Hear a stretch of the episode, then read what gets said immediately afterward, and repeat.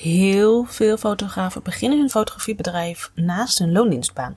En ik ben er ook eentje van. Vaak begint je passie voor het fotograferen te groeien in je vrije tijd die je naast je huidige baan hebt. En die passie die groeit en die groeit en die groeit tot je het niet meer kunt houden en je eigenlijk jezelf gaat afvragen of je niet meer wil doen met die fotografie. En dan begin je een bedrijf.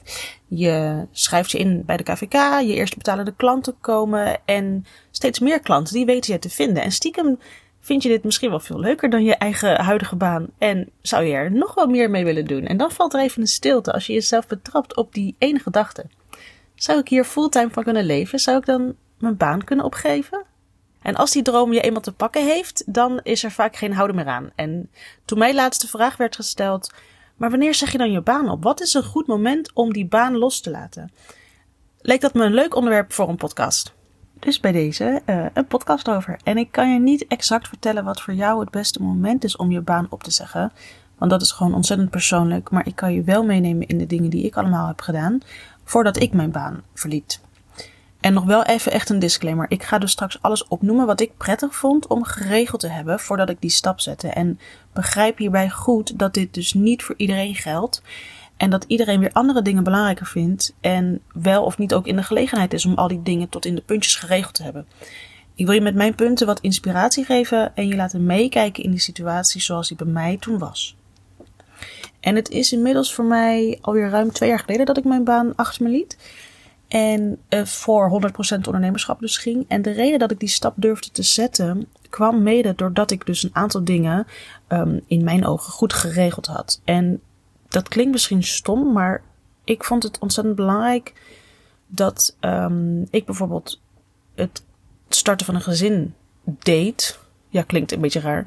Um, in de tijd dat ik nog in loondienst was. En dat klinkt echt heel stom, maar ergens wist ik al lang dat ik graag mijn kids op de wereld wilde zetten. Dus terwijl ik in loondienst werkte. En dat is natuurlijk maar net hoe het allemaal uitkomt, hè. Maar, um, en dat klinkt, ja, het klinkt echt heel vreemd als ik het zo hardop zeg eigenlijk. Maar want je weet ook gewoon dat het krijgen van kinderen dan, um, weet je, ik doe dan bijvoorbeeld op het verlof.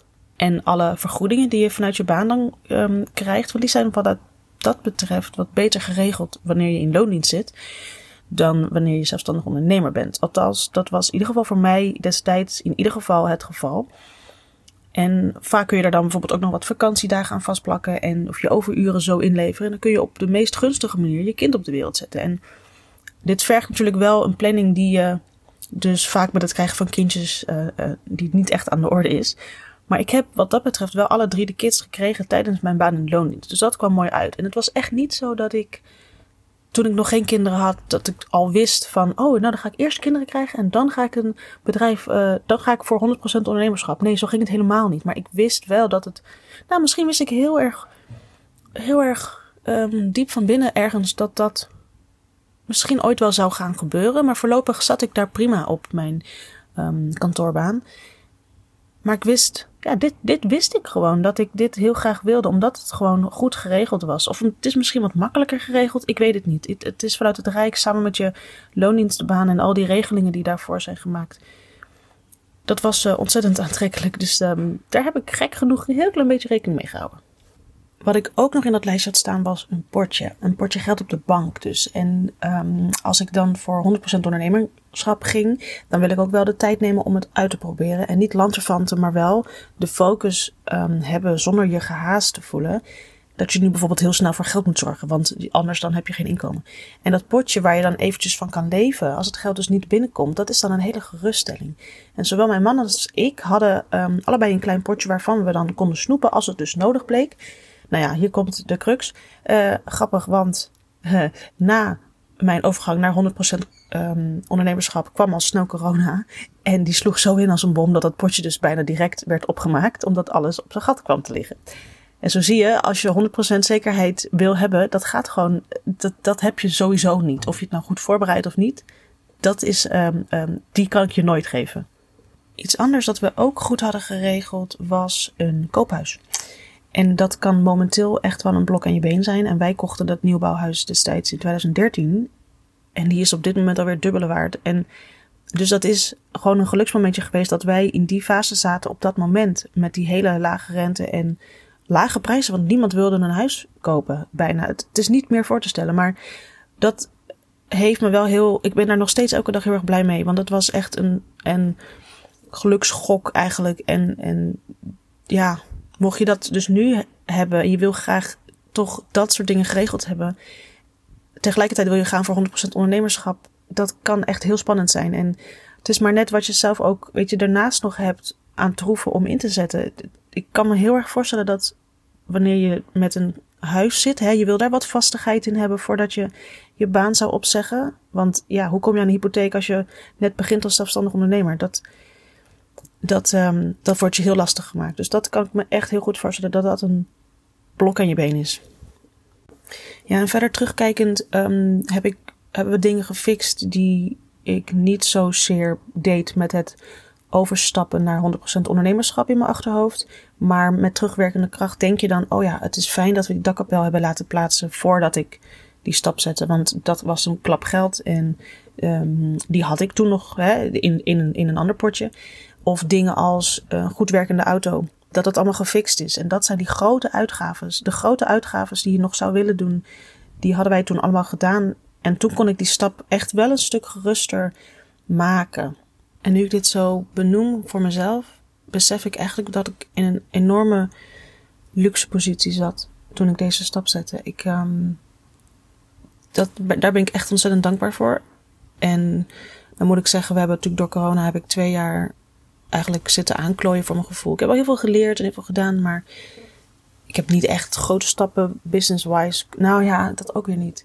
Financieel heb ik niet hele grote stappen kunnen zetten. En dat is natuurlijk wel iets waar je dan weer op achterloopt. En dat potje, dat moet ik nog steeds weer terugvullen. En dat vind ik dan niet erg, weet je. Want het gaat op een manier zoals ik dat wil. En dat is gewoon heel fijn aan het ondernemen.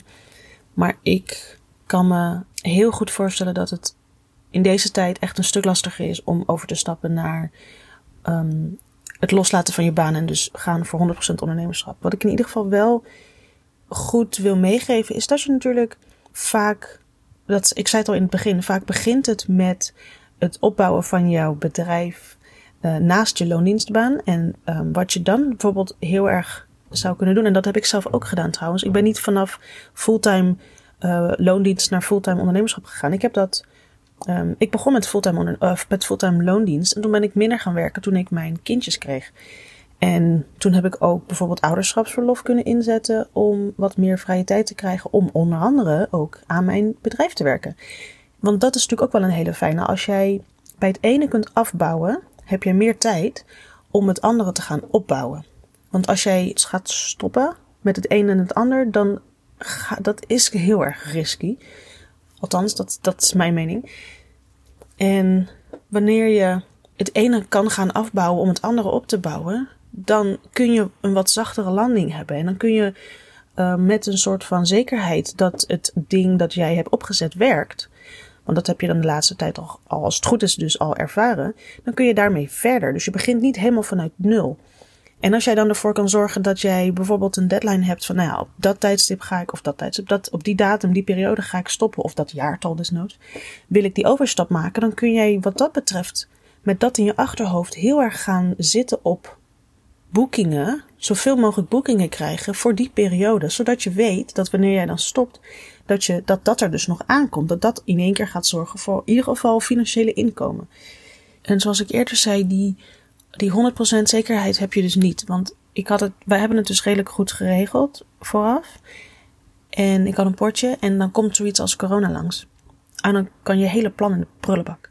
Dus hou alsjeblieft je niet vast aan iets dat je, hè, dat je streeft naar perfectie. Van ik wil het zo perfect mogelijk geregeld hebben.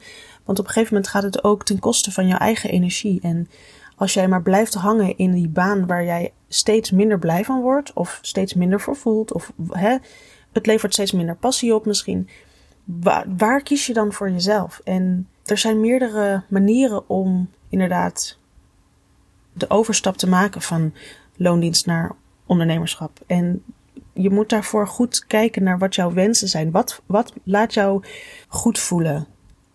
Wil je juist in diepe gegooid worden, want werkt dat goed? Dan is dat misschien toch wel een optie voor je. Maar als je zegt nee, ik word zo onzeker van die, van die onzekerheid, van die, van die financiële, van het financiële gat wat ik dan misschien heb, ga dan kijken wat de opties zijn om dat uh, weg te nemen.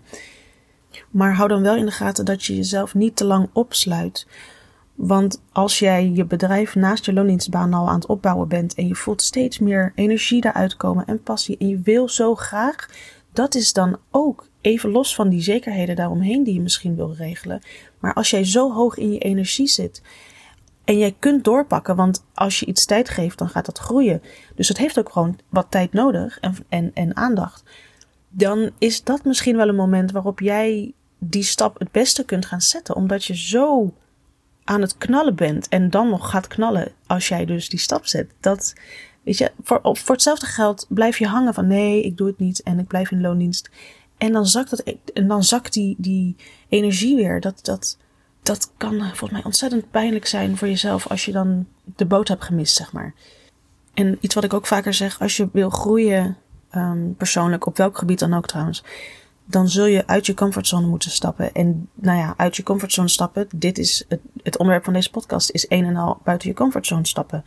Omdat je je zekerheid misschien achterlaat. Um, belangrijk blijft in ieder geval dat je even de tijd neemt om te gaan zitten en alle consequenties van het niet lukken van die overstap um, helder maakt. Wat, en ik wil dan niet te veel focussen op het negatieve, maar je moet gewoon wel weten wat er gebeurt als het niet lukt. Dus ga even zitten en schrijf op van wat gebeurt er als het niet lukt? Wat zijn de consequenties dan? Kan ik dan nog terug? Kan ik dan een andere baan? Er is altijd geld te halen. Hè? Er is altijd geld te verdienen. En kijk even hoe lang je daarover zou kunnen doen. Wat voor potje heb je nodig als je um, in een half jaar zou willen uh, overstappen. Um, kijk even naar. Je moet het wel concreet maken, anders blijf je maar gissen. En misschien is het zelfs wel heel erg. Um, ligt het heel erg dichtbij en zijn die opties best wel te realiseren. Alleen als je dat niet weet, als je het niet inzichtelijk maakt, dan kom je nooit een stap verder. Ik heb een uh, eerdere podcast opgenomen met Renate over precies dit onderwerp. En mocht je uh, het leuk vinden om die nog even te beluisteren, want daar hebben wij het ook precies over dit onderwerp. Waarom en hoe zij stopte en het feit dat zij daar nooit over had nagedacht. Het was niet eens een optie in haar hoofd en toch maakte ze die stap. Zij vertelt over wat zij heeft gedaan om die uh, stap te zetten. En dat is ook een enorme inspirerende podcast. Dan ga ik het hierbij laten voor vandaag en dan zie ik jou volgende week weer. Dat was hem weer. Mocht je nu denken dit was waardevol, deel dan deze podcast met iemand die de tips ook kan gebruiken. En daarnaast word ik natuurlijk super blij van een review. Dus laat me vooral weten hoe je het vond. Stuur een berichtje via Instagram via jessica.groenewegen of laat een review achter in je podcast app. Tot de volgende keer.